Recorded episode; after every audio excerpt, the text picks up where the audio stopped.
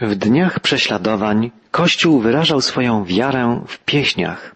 W drugim liście do Tymoteusza apostoł Paweł zamieszcza fragment jednej z najwcześniejszych pieśni pierwszego kościoła chrześcijańskiego. Pieśni, która mówi o trwaniu w Chrystusie i o Jego, Chrystusa, wierności. Przeczytajmy jedenasty, dwunasty i trzynasty werset drugiego rozdziału drugiego listu do Tymoteusza. To prawda oczywista. Jeśli z Nim umarliśmy, z Nim też żyć będziemy. Jeżeli przy Nim trwamy, z Nim panować będziemy. Jeśli się Go wyrzekniemy i On się nas wyrzeknie. Choćbyśmy byli niewierni, On jednak wierny zostaje, bo sobie zaprzeczyć nie może. Piękno tego fragmentu listu polega na tym, że w nim zachował się fragment jednej z pierwszych pieśni Kościoła chrześcijańskiego. Możliwe, że jest to tylko część dłuższej pieśni. Jeśli z nim umarliśmy, z nim też żyć będziemy. Ksiądz Marcin Luther powiedział kiedyś, Kościół jest dziedzicem krzyża. Chrześcijanin jest dziedzicem zarówno krzyża Chrystusa, jak i Jego zmartwychwstania. Uczestniczy zarówno w niesieniu hańby, jak i w chwale swego Pana. Jeśli z Nim wytrwamy, z Nim też królować będziemy. Ten, kto wytrwa do końca, będzie zbawiony. Bez krzyża nie może być korony. Jeśli się Go zaprzemy i On się nas wyprze. Pan Jezus powiedział, każdego, który mnie wyzna przed ludźmi, i ja wyznam przed Ojcem moim, który jest w niebie. A kto by się zaparł mnie przed ludźmi, tego i ja się zaprę przed Ojcem moim, który jest w niebie. Jezus Chrystus nie może ręczyć w wieczności za człowieka, który w doczesności nie chciał mieć z nim nic wspólnego, ale pozostaje na wieki wierny człowiekowi, który chociaż upadał, to jednak zawsze starał się być wierny Bogu. Dzieje się tak głównie dlatego, że wynika to z samej natury Boga. Człowiek może się wyprzeć siebie, ale Bóg nie. Bóg to nie człowiek, aby miał kłamać, ani syn człowieczy, aby miał żałować. Czytamy w czwartej księdze Mojżesza. Bóg nigdy nie zawiedzie człowieka, który starał się być mu wiernym ale też nie może pomóc człowiekowi, który nie chce mieć z nim nic do czynienia. Dawno temu Tertulian powiedział, człowiek, który boi się cierpieć, nie może należeć do tego, który cierpiał. Chrześcijanin, który boi się cierpieć, nie jest godny Chrystusa, który tyle wycierpiał. Pan Jezus umarł, aby wiernie wypełnić wolę Ojca. Chrześcijanin powinien kroczyć tą samą drogą, co jego mistrz i w razie potrzeby znosić trudy i cierpienia dla sprawy Jego Królestwa. Apostoł Paweł zamieścił w swoim liście fragment pięknej pieśni wczesnego Kościoła. W krótkich słowach pierwsi chrześcijanie zawali najcenniejsze prawdy Ewangelii. Dalej apostoł pisze właśnie o tych słowach. Apeluje do Tymoteusza, by nie wdawał się w dyskusje, które najczęściej są wymianą niepotrzebnych, pustych słów. W czternastym wierszu drugiego rozdziału znajdziemy takie słowa apostoła. Wszystkim przypominaj o tym, zobowiązując ich wobec Boga, aby nie toczyli jałowych sporów o słowa, bo to przynosi szkodę tym, którzy słuchają. Słowa są nie tylko urzekające, ale i niebezpieczne. Mogą stawać się namiastką czynów, są ludzie, którzy wolą mówić niż działać. Gdyby problemy tego świata mogły być rozwiązane poprzez dyskusję, już dawno by problemów nie było. Ale słowami nie da się zastąpić czynów. Nie jest prawdą, że rozmową można rozwiązać problemy intelektualne w całej pełni. Jednym z najbardziej sugestywnych powiedzeń Jezusa jest jeśli kto chce pełnić wolę Jego, ten pozna, czy ta nauka jest od Boga, czy też ja sam mówię od siebie. Jeśli kto chce wypełniać wolę Jego, ten pozna. Często zrozumienie przychodzi z robienia czegoś, niż z mówienia, raczej z czynienia czegoś. W starym powiedzeniu łacińskim solvitur ambulando sprawa się wyjaśnia sama, kiedy się do niej zabierzesz. Często bywa tak, że najlepszą drogą do zrozumienia głębokich prawd chrześcijańskich jest zaangażowanie się w obowiązki życia chrześcijańskiego. Jedno trzeba powiedzieć, że zbyt wiele mówienia i dyskusji może mieć dwa niebezpieczne skutki. Po pierwsze, może sprawiać wrażenie, że chrześcijaństwo jest tylko sprawą zagadnień do dyskusji, problemów do rozwikłania. Kręgi dyskusyjne są znakiem czasu naszego wieku. Jak powiedział jeden z myślicieli, postawiliśmy już wszystkie pytania, jakie można postawić. I czas przestać rozglądać się za nowymi pytaniami, a raczej zacząć trzeba poszukiwania odpowiedzi. W każdej społeczności kręgi dyskusyjne muszą być zrównoważone grupami działania. Po drugie, dyskusja może działać ożywiająco na tych, którzy podchodzą do wiary chrześcijańskiej intelektualnie, którzy mają za sobą wiedzę albo posiadają znajomość teologii lub pragnienie jej poznania. Ale może się czasem zdarzyć, że człowiek prosty znajdzie się w grupie, która igra z herezjami, stawia pytania, na które brak odpowiedzi.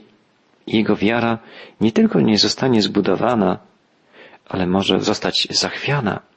Może właśnie o to chodzi apostołowi Pawłowi, kiedy mówi o sporach o słowa, które przywodzą do zguby słuchaczy. Normalnie używanym słowem na określenie zbudowania się w wierze jest w greckim języku ten sam wyraz, który stosuje się do budowania domu. Odpowiednio użyte przez apostoła Pawła słowo na przywodzenie do zguby, katastrofę, dotyczy zaś zburzenia domu.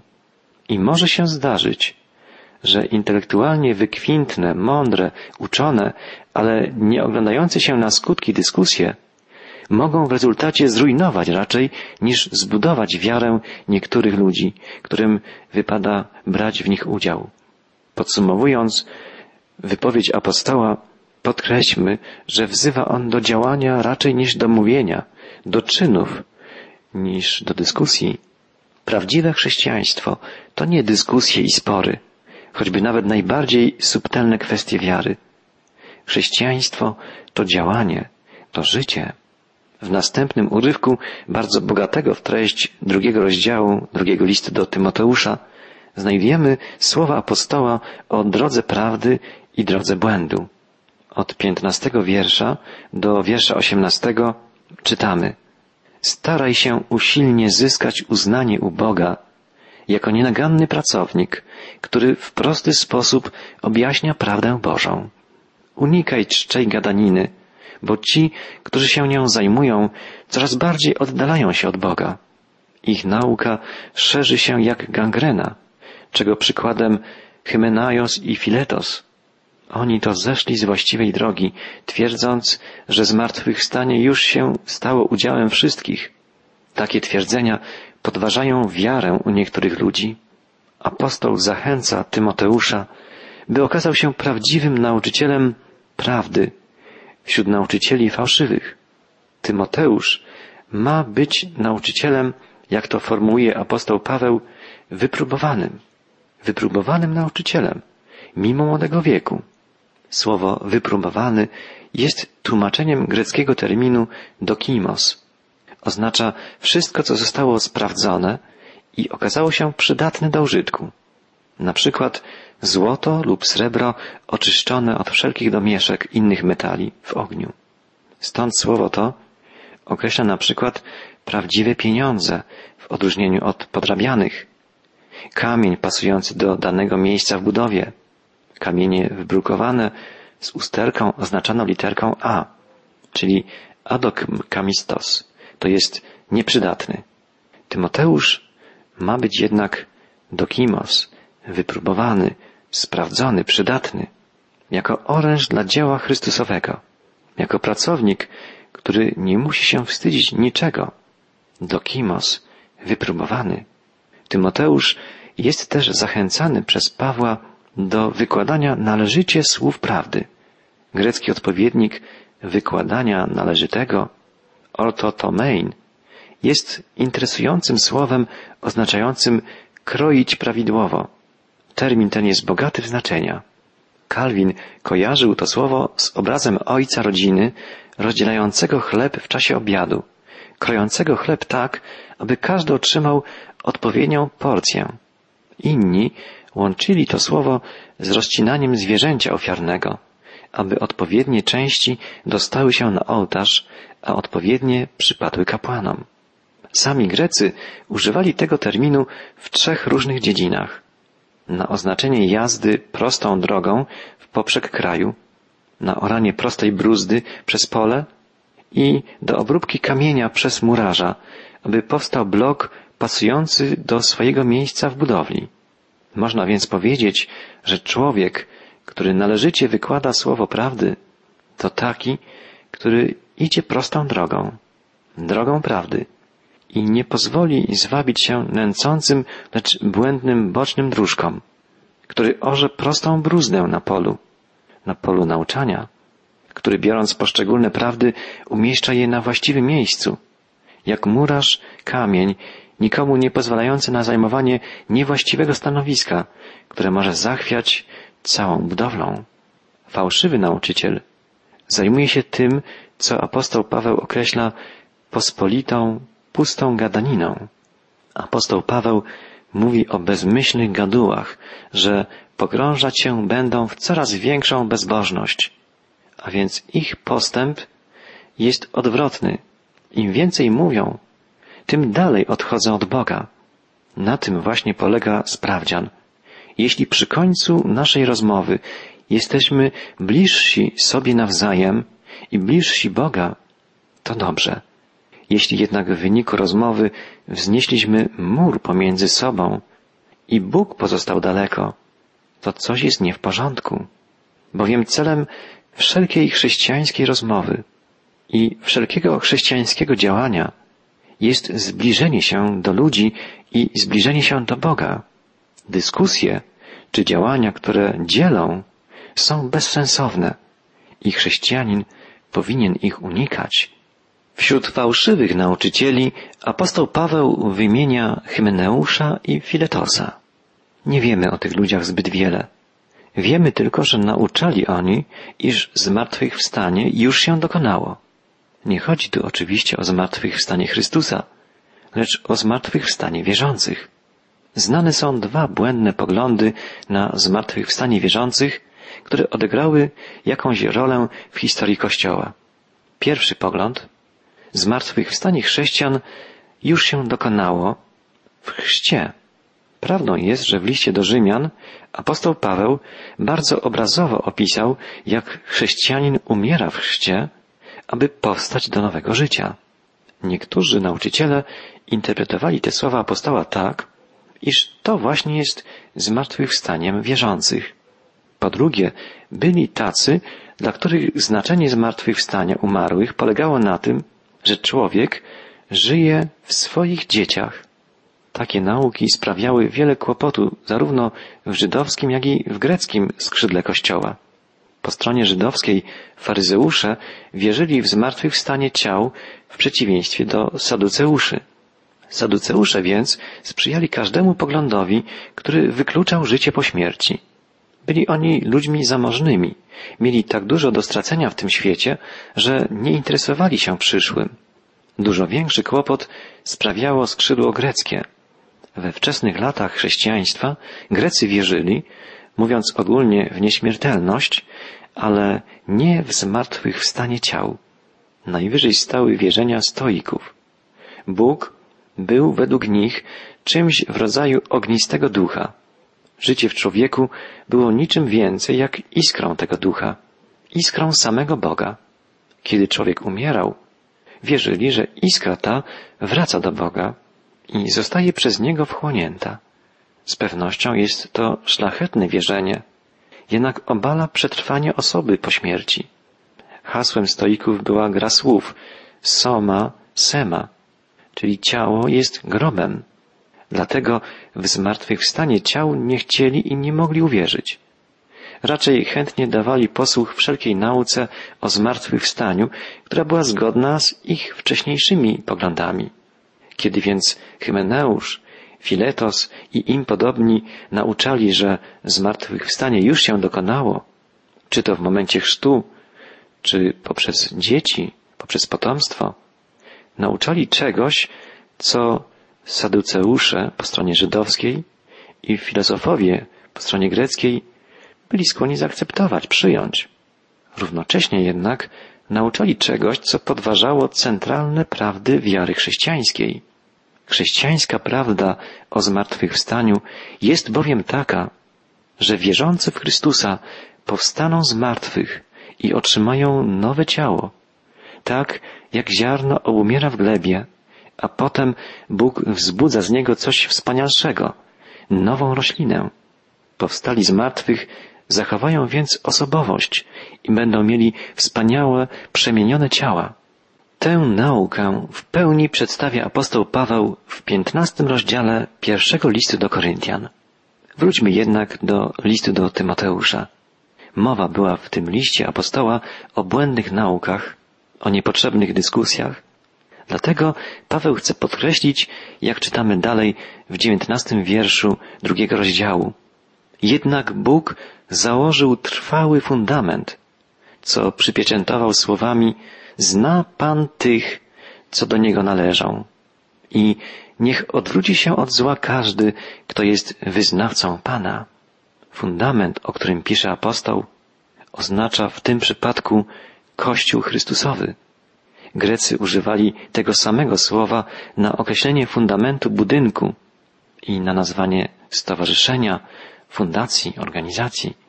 Z tekstu wynika, że apostoł miał na myśli to drugie znaczenie, czyli Kościół jako grupę, jako stowarzyszenie, jako wspólnotę wierzących. Dalej bowiem pisze apostoł o wspólnocie wierzących i cytuje dwie wypowiedzi ze Starego Testamentu. Przeczytajmy jeszcze raz, co pisze apostoł. Bóg założył trwały fundament, co przypieczętował słowami Zna Pan tych, co do Niego należą. Oraz niech odwróci się od zła każdy, kto jest wyznawcą Pana. Cytaty Zna Pan tych, którzy są Jego i niech odstąpi od niesprawiedliwości każdy, kto wzywa imienia Pańskiego.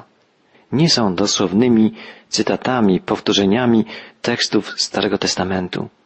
Pierwszy wyjęty jest z wypowiedzi Mojżesza do zbuntowanego oddziału Koracha w dniach wędrówki po pustyni.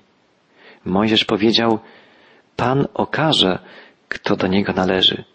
Ale słowa te czyta apostoł w świetle wypowiedzi Jezusa. W owym dniu wielu mi powie, Panie, Panie, czyż nie prorokowaliśmy w imieniu Twoim i w imieniu Twoim nie wypędzaliśmy demonów i w imieniu Twoim nie czyniliśmy wielu cudów? A wtedy wyznam im, nigdy was nie znałem. Idźcie precz ode mnie, wy, którzy czynicie nieprawość.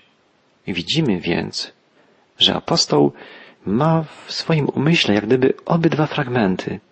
Wypowiedź Jezusa i cytat z wypowiedzi Mojżesza.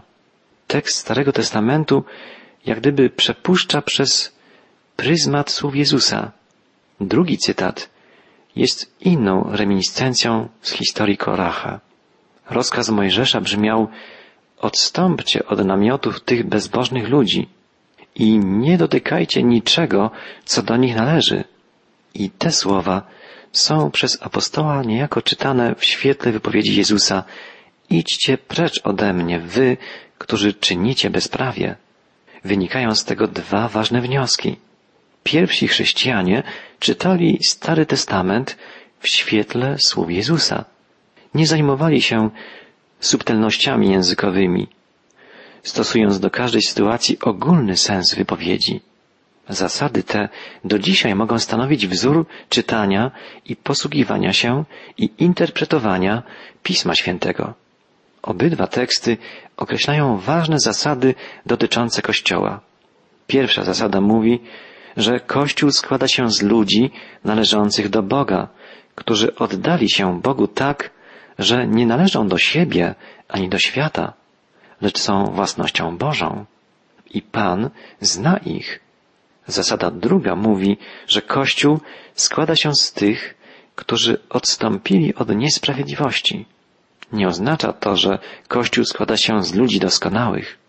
Kościół składa się z tych, którzy zwróceni są w stronę sprawiedliwości, którzy szukają sprawiedliwości, pragną jej, nawet jeśli upadają, podnoszą się i podążają we właściwym kierunku za Chrystusem.